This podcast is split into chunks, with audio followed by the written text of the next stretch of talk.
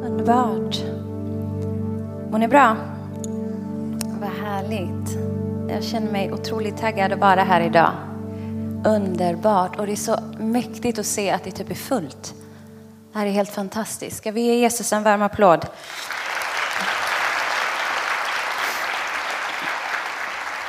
Gud är god. Verkligen. Yes, idag ska jag predika för er. Eh, men innan jag börjar vill jag att du tittar på din granne och så säger du den här kvällen är för dig. Och sen tittar du på din andra sida och så säger du den här kvällen är till för dig. Amen. Idag ska jag predika för dig och jag ska, min titel idag är A God of Second Chances. A God of Second Chances. Gud är en Gud som ger oss flera chanser. Och när man får flera chanser så är det ju bara en bild på någons godhet, eller hur? Eller hur? Tar du till dig av det här idag? Gud är en Gud av många chanser. Gud tror på dig, han älskar dig och han vill se dig lyckas. Amen. Yes. Så vi kan gå direkt in på ordet här. Johannes 11. Jag tror att ordet ja, var bra. Johannes 11, vi börjar med vers 1. En man som hette Lazarus var sjuk. Han var från Betania, den by där Maria och hennes, syster, och hennes syster Marta bodde. Det var Maria som smorde Herren med väldoftande olja och torkade hans fötter med sitt hår. Och nu var hennes bror Lazarus sjuk. Systrarna skickade då bud till Jesus och lät säga, Herre, den du har kär ligger sjuk. När Jesus hörde det sade han, den sjukdomen slutar inte med döden, den är till Guds ära för att Guds son ska bli förhärligad genom den. Jesus älskade Marta och hennes syster och Lazarus. Vers 17 hoppar vi till. När Jesus kom fram fann han att Lazarus redan hade legat fyra dagar i graven. Betania låg nära Jerusalem, ungefär tre kilometer därifrån. Många judar hade kommit ut till Marta och Maria för att trösta dem i sorgen över deras bror. Och när Marta fick höra att Jesus hade kommit gick hon ut och mötte honom, men Maria stannade kvar hemma. Marta sade till Jesus, Herre, om du hade varit här skulle min bror inte ha dött. Men också nu vet jag att Gud kommer att ge dig vad du än ber honom om. Jesus sade, din bror ska uppstå. Marta svarade, jag vet att han ska uppstå vid uppståndelsen på den yttersta dagen. Och Jesus sade, jag är uppståndelsen och livet. Den som tror på mig ska leva som han leva om han än dör och den som lever och tror på mig ska aldrig någonsin dö. Tror du på detta?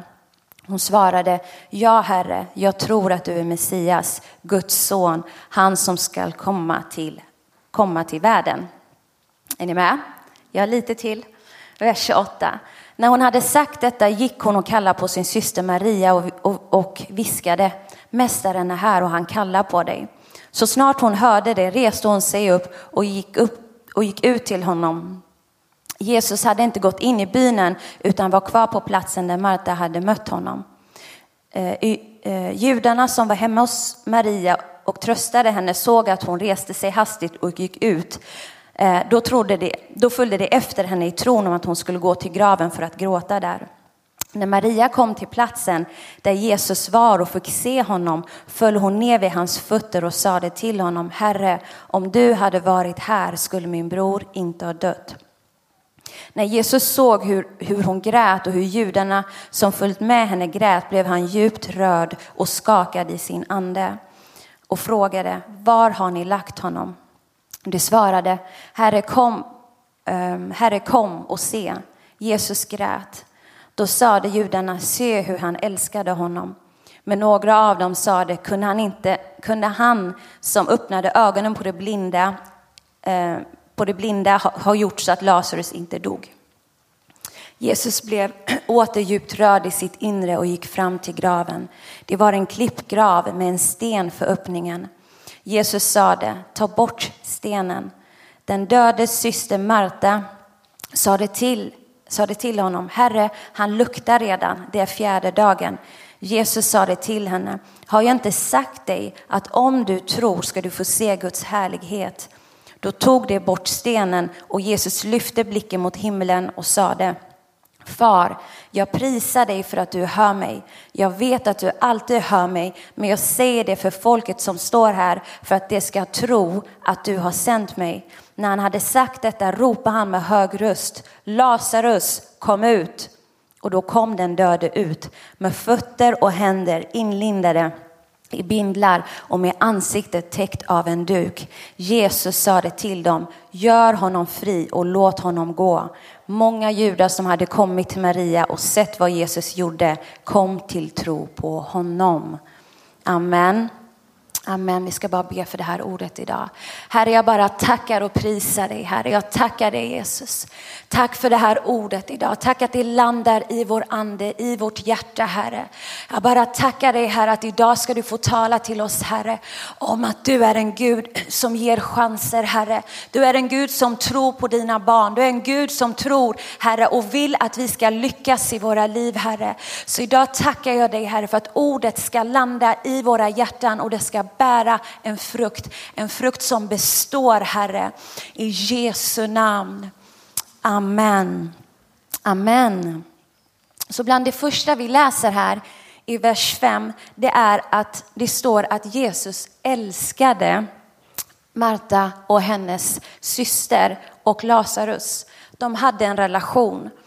Det här är en av mina favoritberättelser. Dels för att man ser att de har en relation. Och det här är också på ett sätt när man ser Jesus, han blir så, han blir så mänsklig.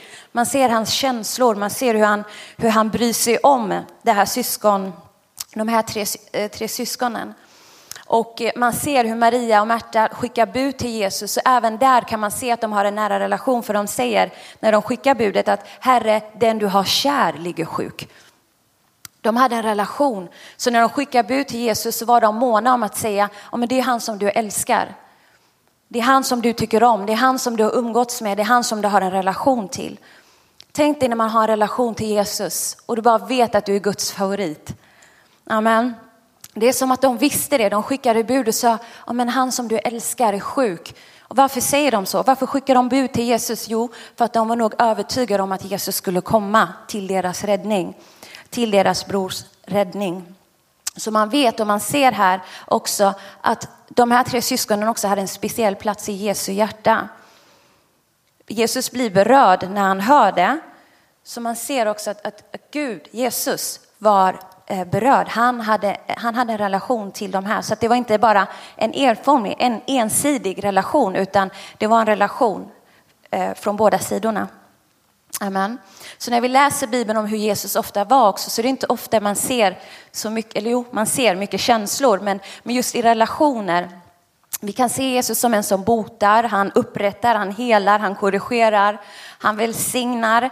Vi ser många sidor av Jesus när vi läser om honom. Men i det här fallet så får man se en så här fin syskonrelation som jag tycker är så vacker. Och det var därför också man tror att Marta och Maria kunde vara så frimodiga med att skicka bud. Man, de hade kunnat skicka bud till sina syskon eller till stadens läkare, men man skickade till Jesus. Man visste vem Jesus var och vad Jesus kunde göra. De var trygga i att ropa på just honom, för de hade följt han. De hade sett hur han helade människor, hur han fick människor att se hur blinda fick sin syn tillbaka, hur döva fick sin hörsel tillbaka. De visste vem Jesus var. Så de hade inte bara en relation utan de hade upplevt Jesus. Vi behöver ha en relation till Jesus och vi behöver också uppleva Jesus för att kunna kalla på Jesus. Amen. De visste att han, de var övertygade om att Jesus var en trofast person. Så när de kallade på honom så hade de en förväntan på att han skulle komma. Det var nödens tid. Vem ringer du när du är i nöd? Vem ropar du efter? Vem är den första du tänker på när du går igenom en liksom livets dalar? Vem är det du ringer?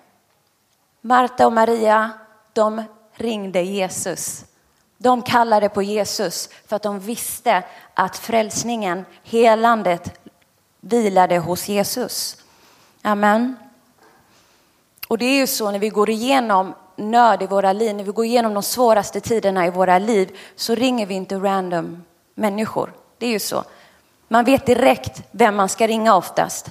Det är inte att man bara, åh, vem ska jag? Liksom. Man tar upp sin telefon och bara sållar. Det är inte så det funkar. Man vet oftast, ja, jag måste ringa den här personen.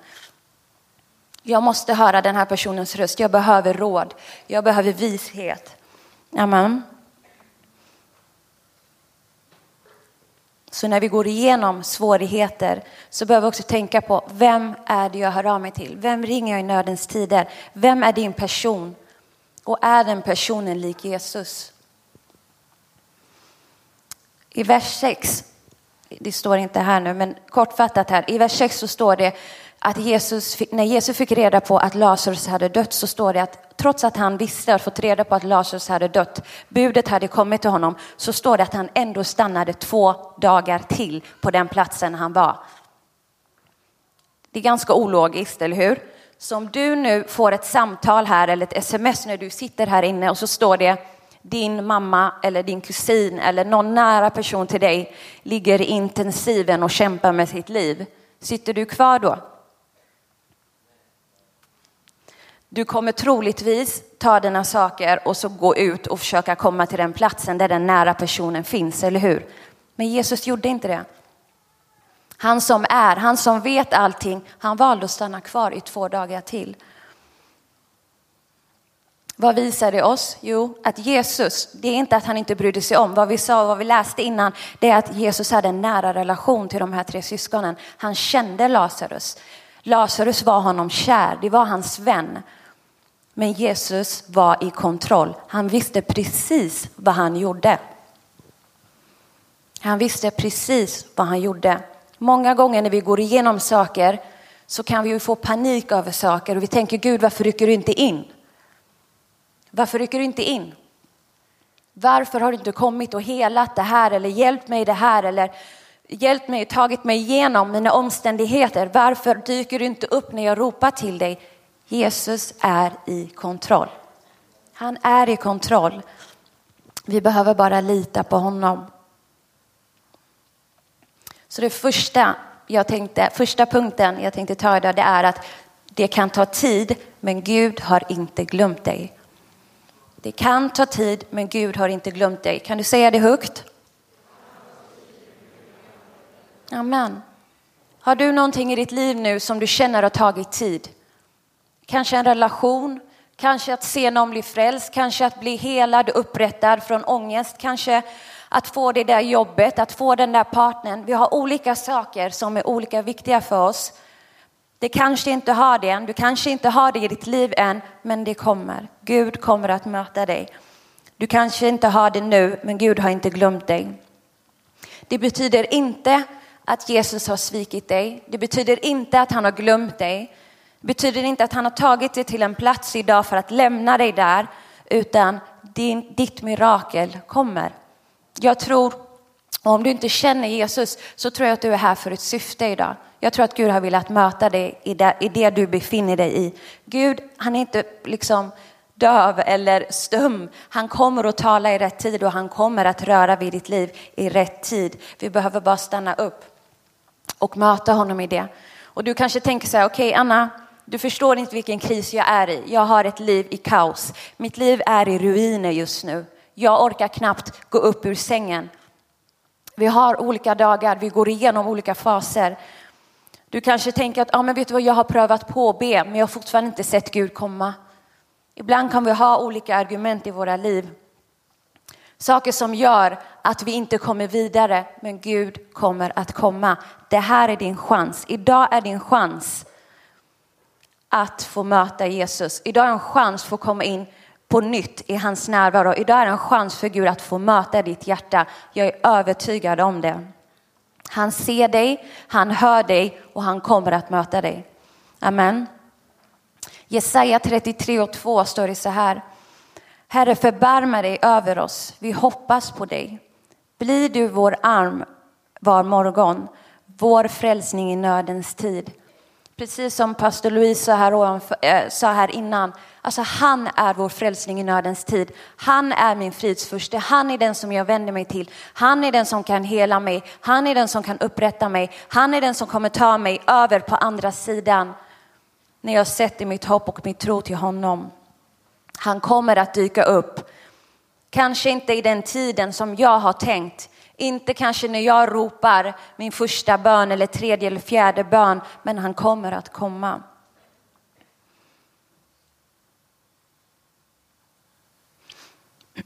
Och när han inte dyker upp ibland när vi har tänkt det så är det så lätt att tappa hoppet, eller hur? Hur många här har känt sig missmodiga ibland? Man känner att oj, okej, okay, det, det, kommer inte ske någonting här. Jag har testat på det här flera gånger. Jag har testat, jag har testat att förlåta mina föräldrar. Jag har testat att förlåta eh, i relationer. Jag har testat på att vara den här personen som andra säger att man ska vara. Vet du, vi behöver inte gå i egen kraft. Vi kommer få styrka och kraft att göra allt det där som Gud säger att vi ska vara. Han kommer att leda oss. Han kommer att hjälpa oss. Han kommer att ge oss en ny chans till vårt liv. Du kanske känner att saker och ting är hopplöst. Du kanske har kommit hit idag som det enda alternativet på att, vet du vad, jag har ändå ingenting gott i mitt liv så jag kan lika gärna gå på det här mötet så får vi se vad Gud gör. Jag tror att Gud kommer möta dig idag. Jag tror att Gud kommer tala till ditt hjärta. Jag har många gånger har var, liksom många gånger varit liksom på bottens botten och jag har alltid fått se Gud rycka in. Det kanske inte alltid har varit i tider där jag har velat att det ska ske, men det har kommit och Gud har räddat mig och han har lyft mig upp och han gjort mig starkare än vad jag var när jag började. Jag tänkte dela lite om mitt eget liv. En del känner till mitt liv och en del gör det inte, men jag kommer dela ändå. Eh, när jag var 16 år var jag i en relation Eh, med, med en kille. En, en ganska trevlig liten gubbe eh, från Göteborg. Jag växte upp i Göteborg. Eh, han var från Hammarkullen, om det är någon här som känner till Hammarkullen. Orternas ort. Och eh, när jag började skolan så valde jag honom. Han var mitt offer direkt. Och eh, jag började gymnasiet då, då gick jag i första ring. Jag ser honom och så säger jag, han ska bli min kille. Eh, tre månader in så blir han det. Han blir mitt offer.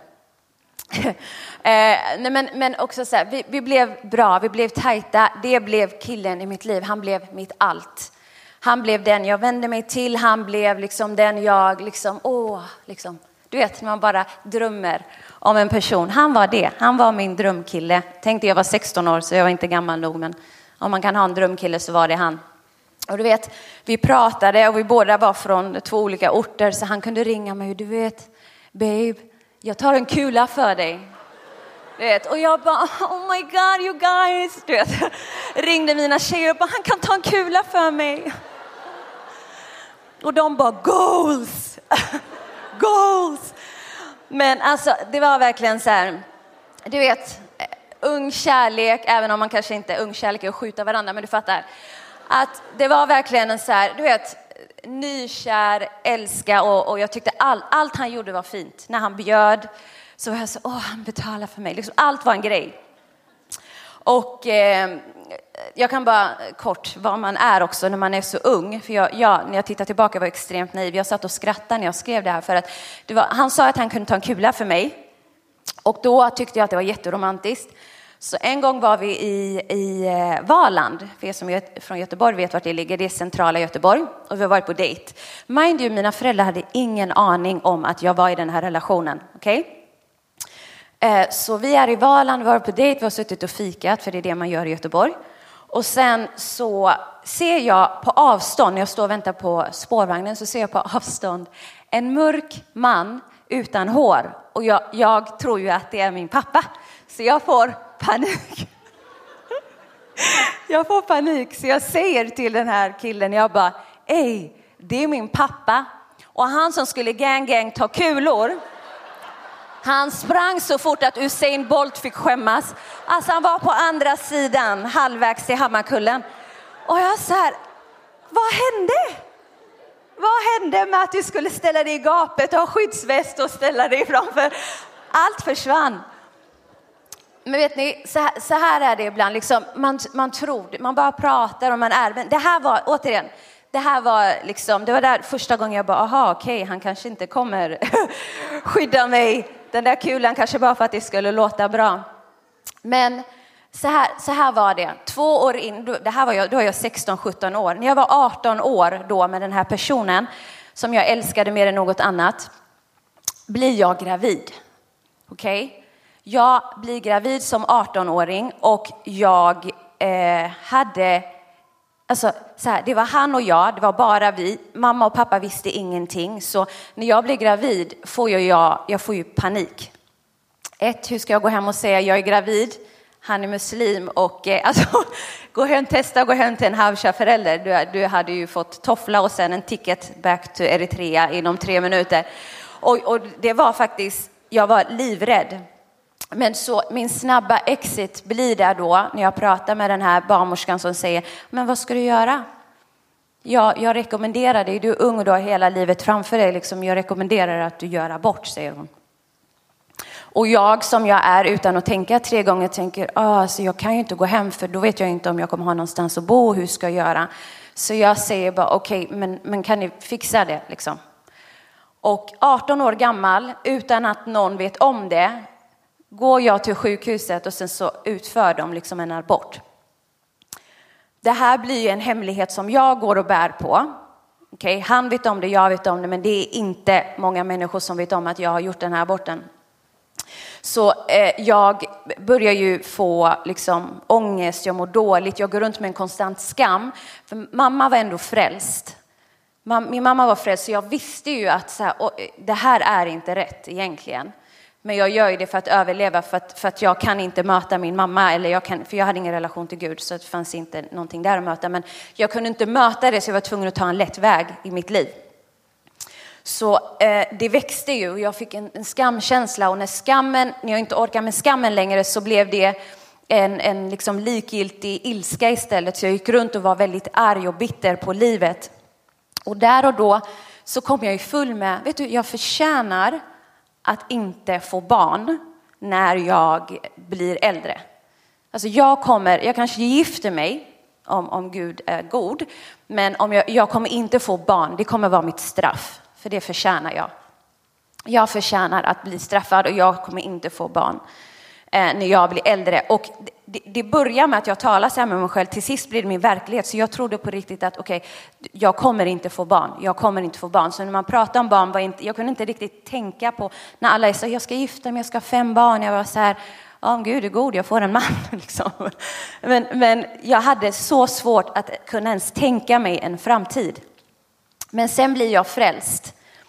Jag blir frälst och jag får Eh, och när jag blir frälst så eh, släpper jag den här relationen som jag var i. Och eh, inte kort, det var inte långt efter det som jag får träffa min man. Och inte långt efter det gifter vi oss och inte långt efter det får jag min första dotter. Idag har jag tre. Så Gud har varit så god. Han inte bara upprättar, helar, utan han välsignar mer. Tack för den applåden Joy. Alltså. Han välsignar. Så att jag vill säga med det här, ibland så känner vi att vi är på det absolut lägsta. Man känner att det finns ingen chans att Gud ska se någonting i mig. Det finns ingen chans att, att jag ska ha det bra. Det finns ingen chans. Även om du är här och du tänker, jag förtjänar att ha det dåligt i mitt liv, så tänker Gud annat om dig. Han vill välsigna dig, han vill omsluta dig, han vill lyfta dig och han vill göra dig till en bättre version än vad du har varit. Amen. Så skammen byttes ut, allt byttes ut. Jag fick bara bli fri. Och när jag kom hit och fick liksom se upprättade familjer, jag fick ta del av Guds ord så började jag få hopp för min framtid. Och det är det som händer när man umgås med Jesus så får man hopp. Man får hopp i den situationen som känns fullständigt mörk. Helt plötsligt ser man ljuset i tunneln, helt plötsligt ser man Åh Jesus, om jag håller fast vid det här löftet så kanske du kommer ta mig igenom. Eller du kommer ta mig igenom. Och sen får man tro för att gå igenom och sen helt plötsligt börjar man ta kliv som man aldrig hade kunnat tänka sig. För att man lär känna Gud. Precis som Marta och Maria gjorde. De kände Jesus, därför kunde de ha en förväntan på Jesus. När vi lär känna Jesus så får vi en förväntan på, vi får en förväntan på honom om att vi ska ha ett bra liv med honom utifrån vad Guds ord säger. Amen. Om vi går tillbaka då till ordet. Punkt två. Jesus ger oss tro för en förändring. I vers 17 i samma kapitel står det att när Jesus kom fram till Betania, till den staden där Lazarus var, så hade Lazarus, Lazarus hade hunnit dö. Han var inte längre sjuk. Jesus valde att stanna kvar två dagar extra och när han kommer fram då till den här staden där Lazarus var sjuk är han nu död. Så när Jesus kommer fram har han legat död i fyra dagar. Snacka om att vara sen, det kan man ju tänka. Eller hur? Men Jesus vet vad han gör. Han hade koll. Så när Jesus kommer fram och han möts av en av systrarna så faller de ner och de bara beklagar sig över att han inte var där i tid. De bara beklagar sig över varför kom du inte? Om du skulle vara i det här så skulle jag inte vara i den här situationen. Hade du lyssnat på min första bön så skulle jag inte vara i den här relationen. Hur många brukar säga så? Om du hade kommit i god tid så skulle jag inte vara i den här synden. Och man lägger skulden på Gud som att det är han som har placerat mig i den där klubben med en pistol i handen. Liksom. Jesus kommer, men vi behöver vänta på det tillfället när han kommer. Och när han kommer så kommer han göra det som han gör bäst. Han kommer med liv. Han kommer med den där chansen som vi trodde var fullständigt ute. Och vi vet, Lazarus har varit död i fyra dagar. När någon är död, man kan inte väcka det, då är det kört. Det finns ingen chans till någonting. Det är ju så det är. När någon flyttar hem till himlen, när någon dör, då är det så här, det är då, då blir det bara ett minne av den personen. Det blir en saknad av den personen. Men mer än så finns inte. Det var ju det som Maria och Märta var i här. Oj, min bror är död. Han finns inte mer. Det, allt ljus är ute. Vad ska vi göra nu? Vi sörjer honom. Så när Jesus kommer så, så tycker de att Jesus, han är för sen. Han kom för sent. Han skulle kommit i tid, men han kom inte när han skulle komma. Och de beklagar sig. Det de säger är, om du hade varit här Jesus, då hade detta aldrig hänt. Om du skulle varit här Jesus så skulle detta aldrig hänt. Hur många gånger kan vi säga så? Hur ofta beklagar vi oss inte över den egen situationen kanske som vi är i? Ibland kan det vara vad vi själva har satt oss i, ibland kan det vara vad andra gör mot oss. Men man kan beklaga sig över situationen istället för att faktiskt se vem Jesus är och vad Guds ord säger att han är. Och när de talar, eh, eh, Marta och Maria talar ut det här så säger Jesus till dem i vers 25. Han säger, jag är uppståndelsen och livet. Den som tror på mig ska leva om han än dör. Och på de orden så växer någonting i deras hjärta. De börjar få tro. Återigen, de känner att allt hopp är ute, men ett ord, en mening från Jesus gör att man börjar ransaka på nytt sätt. Ja, men det är sant. Du är ju livet. Du är ju uppståndelsen. Men om jag väljer att tro på det här, då kan jag välja att tro på att min, min, min bror ska väckas till liv. Någonting händer. Deras tankebyggnader börjar förändras. Deras känslor börjar förändras. Det börjar växa ett hopp. Och det är det här som händer när vi umgås med Jesus, när vi säger ja till Jesus, när vi släpper in Jesus i våra liv, då får vi hopp.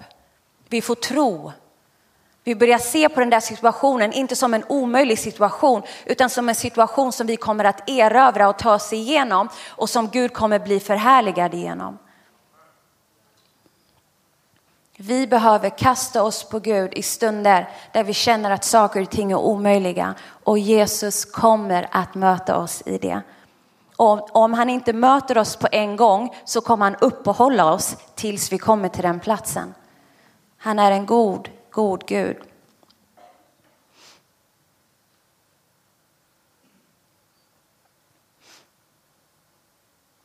Och för att ta det tillbaka kort. Jag hade ju berättat att jag hade liksom utfört den här aborten. När jag kommer till församlingen eh, och hade gått i några månader så hade man någonting som hette medlemssamtal i den här tiden.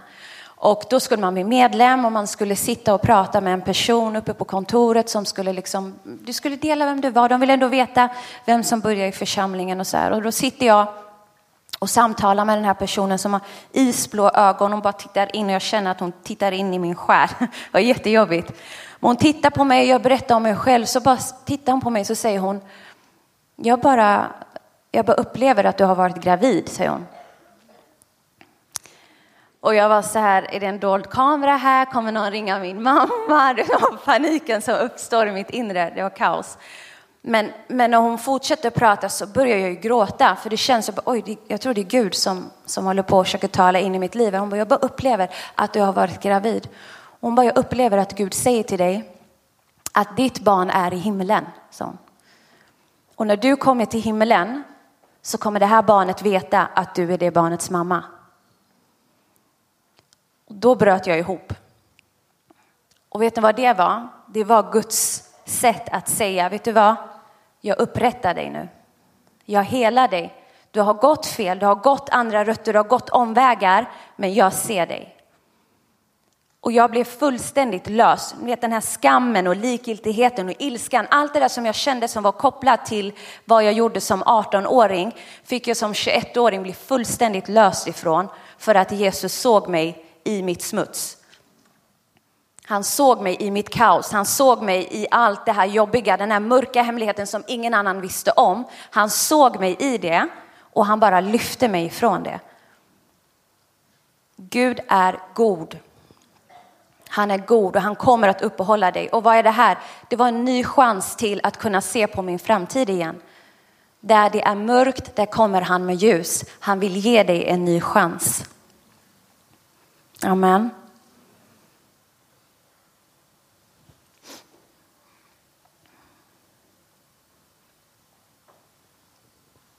I vers 39 står det så här. Jesus kom till, till platsen här nu och han hade ju samtalat med systrarna och han hade talat liv. Så står det så här i vers 39. De, eh, eller så här, de tar honom till platsen, han säger för mig till den platsen där Lazarus ligger och är begravd. Och när han kommer dit så säger han ta bort stenen. När man begravdes den här tiden så brukar man begrava dem inne liksom i, en, i en grotta och sen ibland kunde det vara en eller flera som begravs på samma plats. Och sen så brukar man rulla en stor sten för att täcka det här stora hålet. Då. Dels för att det inte ska lukta men också för att liksom ingen ska komma in och ut. Och, eh, och han säger ta bort stenen. Och då säger det döda systrar som Marta och Maria. Marta säger då till honom, men herre han luktar redan. Det är den fjärde dagen. Men Jesus säger ta bort stenen. Och vet du så här, Lazarus låg där inne men den här stenen, det här hindret behövde flyttas på sig för att Jesus skulle göra ett mirakel i Lazarus liv. Ibland har vi stenar, vi har hinder, vi har saker som står i vägen i våra liv för att Jesus ska kunna hela, upprätta och välsigna våra liv. Ibland har vi saker som blir argument emot oss. Det kan vara att vi kanske har oförlåtelse så att vi inte kan liksom eh, känna, vi, vi, vi har ilska, vi har bitterhet mot människor. Och det blir ett hinder, det blir svårt för Gud att komma in i de platserna för att det är platser som han inte har fått än. Gud vill att precis som han sa till, till människorna att flytta på stenen till den där graven, precis på samma sätt vill han att jag och du ska flytta på de stenarna som står i vägen för att Jesus ska ge dig den där chansen. Den där chansen att komma tillbaka till liv, den där chansen att få en ny välsignelse, den där chansen att komma till nästa nivå. Stenen måste bort. Så där är en beordran av Jesus. Han säger bort med stenen. Vad har du för sten i ditt liv? Vad har du i ditt liv som står i vägen? Vad är du, ibland är det medvetna saker, ibland kan det vara dolda saker. Men vad har du i ditt liv som står i vägen för att Gud ska kunna välsigna dig? Vad har du för syn på livet?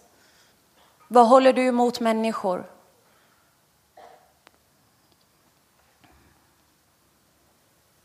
Jesus vill ta bort de här hindren för att han vill ha ett fullt utrymme att kunna göra det han gör bäst. Att upprätta oss, att hela oss. Han vill välsigna dig. Han vill välsigna mig, han vill välsigna ditt hem, han vill välsigna ditt liv. Han vill hela ditt hjärta. Han vill att du ska ha ett framtid, en framtid och ett hopp. Han vill att när du ser på din framtid så ska du se du ska se ljus, du ska se välsignelse, du ska se en familj, du ska se barn, du ska se en tjänst, du ska se hur du och din familj tjänar Gud tillsammans. Han har stora tankar för dig och mig. Men så länge vi inte tar bort den där stenen så blir vi begränsade och vi begränsar också Gud i våra liv. Så vi ska ta bort stenen, säg jag ska ta bort stenen i mitt liv.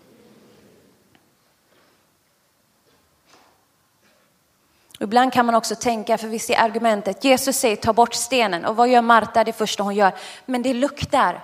Ibland när Jesus säger Anna flytta på det här, det är inte behagligt inför mig, så säger vi nej men du kan inte, det luktar för mycket. Om, om människor skulle få veta vad som finns bakom den här stenen så skulle ingen prata med mig. De skulle döma mig. De skulle tycka illa om mig.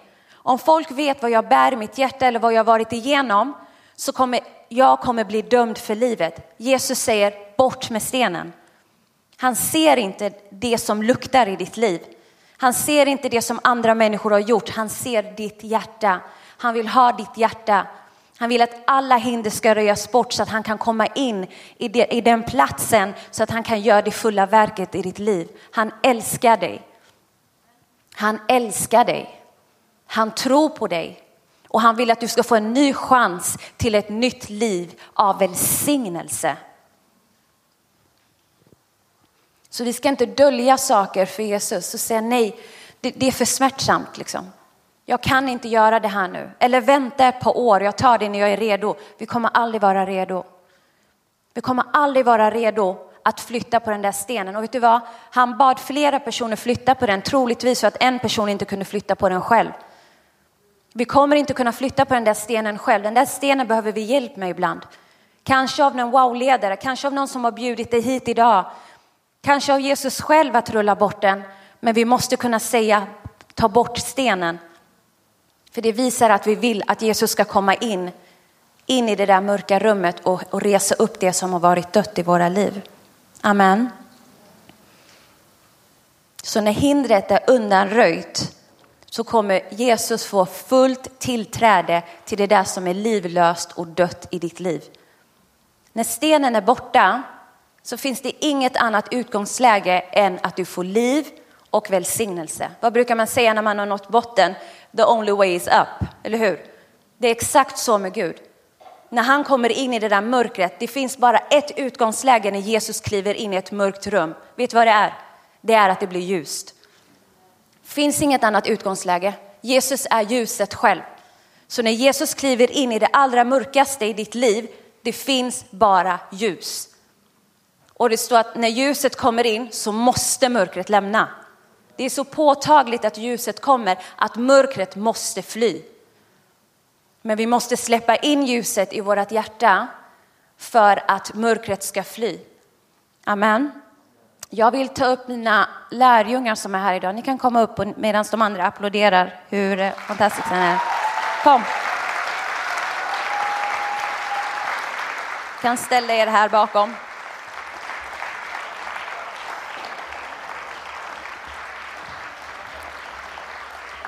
Ni får fortsätta applådera. Vilken vacker vy. Jag har tänkt så här, vi börjar med den gravida. Jag har sagt till mina lärjungar, hej Aidish, då börjar vi här. Eh, med en mening säga vad deras identitet var innan Jesus och med en mening säga vad deras identitet är efter att Jesus har flyttat in. Okej? Okay? Vi börjar med dig Aida. Jag skulle säga att jag var en person som inte hade frid. Eh, oh ingen frid, bara resa på resa, biljett efter biljett. Eh, men idag skulle jag säga att Jesus stillar stormen, jag kan vara kvar i det här landet med frid.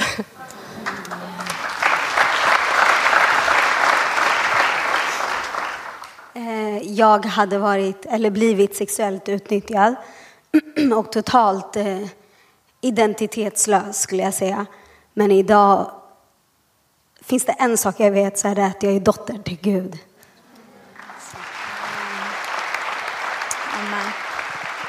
Eh, före Jesus så var mitt liv präglat av sorg efter att jag förlorade min pappa. Och efter Jesus så har eh, jag fått ta emot barnaskapet och fått den bästa pappan man kan någonsin önska sig.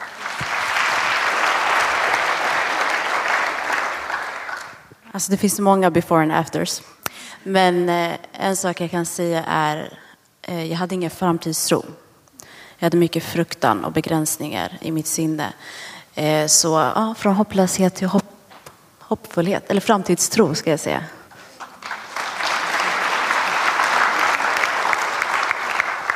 Eh, före Jesus skulle jag säga att jag levde i en fasad.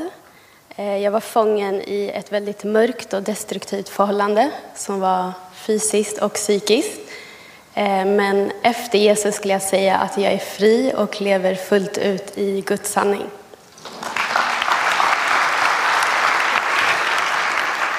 Eh, före Jesus så var jag föräldralös. Jag eh, behövde ta den platsen själv. Vilket ledde till att jag var väldigt hård och vågade inte känna och alltså jag kände bara att jag eh, inte tillät mig själv att söka hjälp eller vara svag inför människor. Men idag vet jag att jag är Guds absoluta favoritdotter och att idag vågar jag vara svag för att i min svaghet så är han fullkomlig.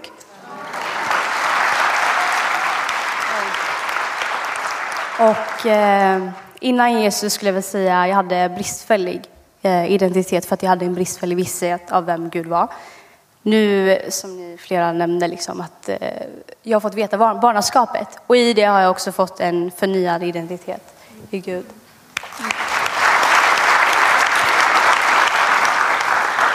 Innan Jesus så var jag en person med väldigt mycket människofruktan eh, och vilket också kontrollerade mitt liv. Men idag har jag fått möta Jesu kärlek och jag är frimodig.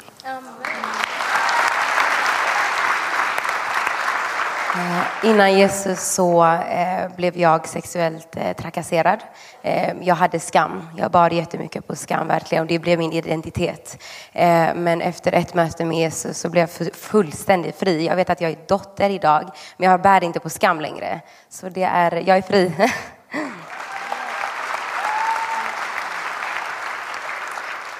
Innan Jesus så såg jag mig själv som otillräcklig på grund av att jag hade lätt att jämföra mig med andra och jag kände att jag aldrig räckte till. Men idag så identifierar jag mig genom att läsa Guds ord och jag vet att jag är dotter i huset. Um, innan Jesus så var jag en, eh, eller mitt liv var verkligen så här att jag jagade efter vind. Uh, jag hade en jättestor liksom, tomhet inom mig och min identitet var liksom bunden till en relation, vad vänner tyckte och tänkte om mig, vad människor tyckte och tänkte om mig. Men idag vet jag liksom vem jag är i Kristus och han är den som får sätta mitt värde, han är den som får säga vem jag är. Och att, eh, ja, alltså jag behöver inte jaga i andra källor. Så att jag känner mig uppfylld i honom. Så att, ja.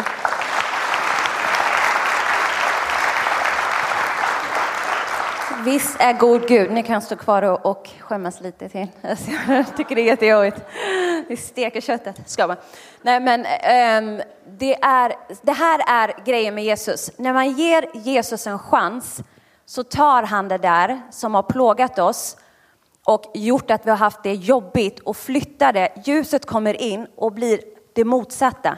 Helt plötsligt så är den som inte är frimodig, har haft människofruktan, blir frimodig. Den som känner att den har liksom varit föräldralös får ett barnaskap. Så Gud är god. Och det, jag tog upp dem idag bara för att det skulle bli tydligt för dig också att oavsett vilken bakgrund du har, oavsett vad du går igenom idag, oavsett vad du står i idag, så finns det en chans för dig. Jesus har, det finns en chans för dig idag att ta, att ta. Han vill komma in i det där mörka rummet där det luktar, där saker och ting inte står rätt till. Han vill komma in just där och han vill förändra din situation. Amen. Tack tjejer. Pianot kan... Pianot kan komma upp. Eh, så som sagt, det, där det är mörkt, där det inte finns hopp, där vill Gud komma in idag. Jesus vill flytta in i den platsen. Lazarus, allt var ute för honom. Allt var slutkört. Och många av mina tjejer hade kunnat stå här och vittna och känna, det kommer inte bli bättre än det här.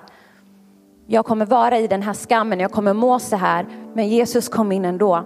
Och vet ni, idag står inte de och bara lever för sig själva. Alla som står här uppe har en wow-grupp och tar hand om andra tjejer och ger andra tjejer en chans till att få möta Jesus för att få möta ljuset.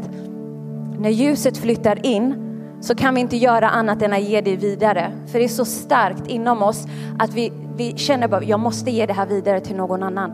Någon annan måste få den där chansen som jag har fått till att må bra.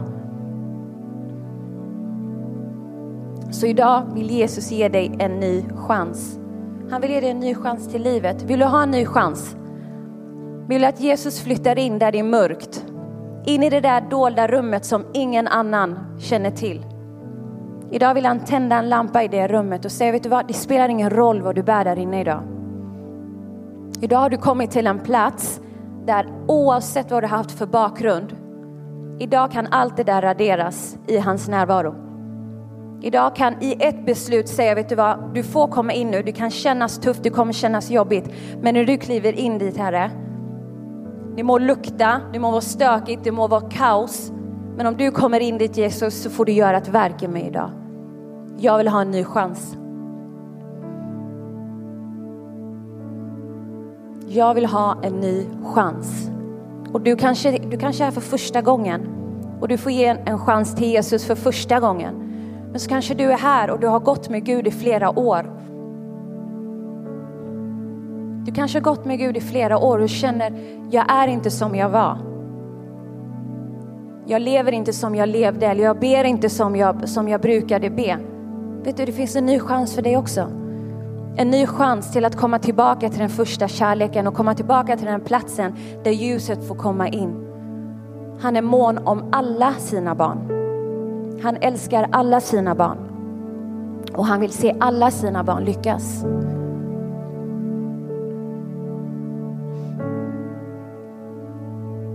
Lazarus var död, men han fick livet tillbaka. Lazarus var död, men han fick livet tillbaka. Du kan få ditt liv tillbaka. Det livet som Jesus hade tänkt att du skulle leva. Inte det livet som har präglats av dina föräldrar, kusiner och vänner och skola och lärare, utan livet som Jesus har tänkt att du ska leva. Det livet ska du få tillbaka.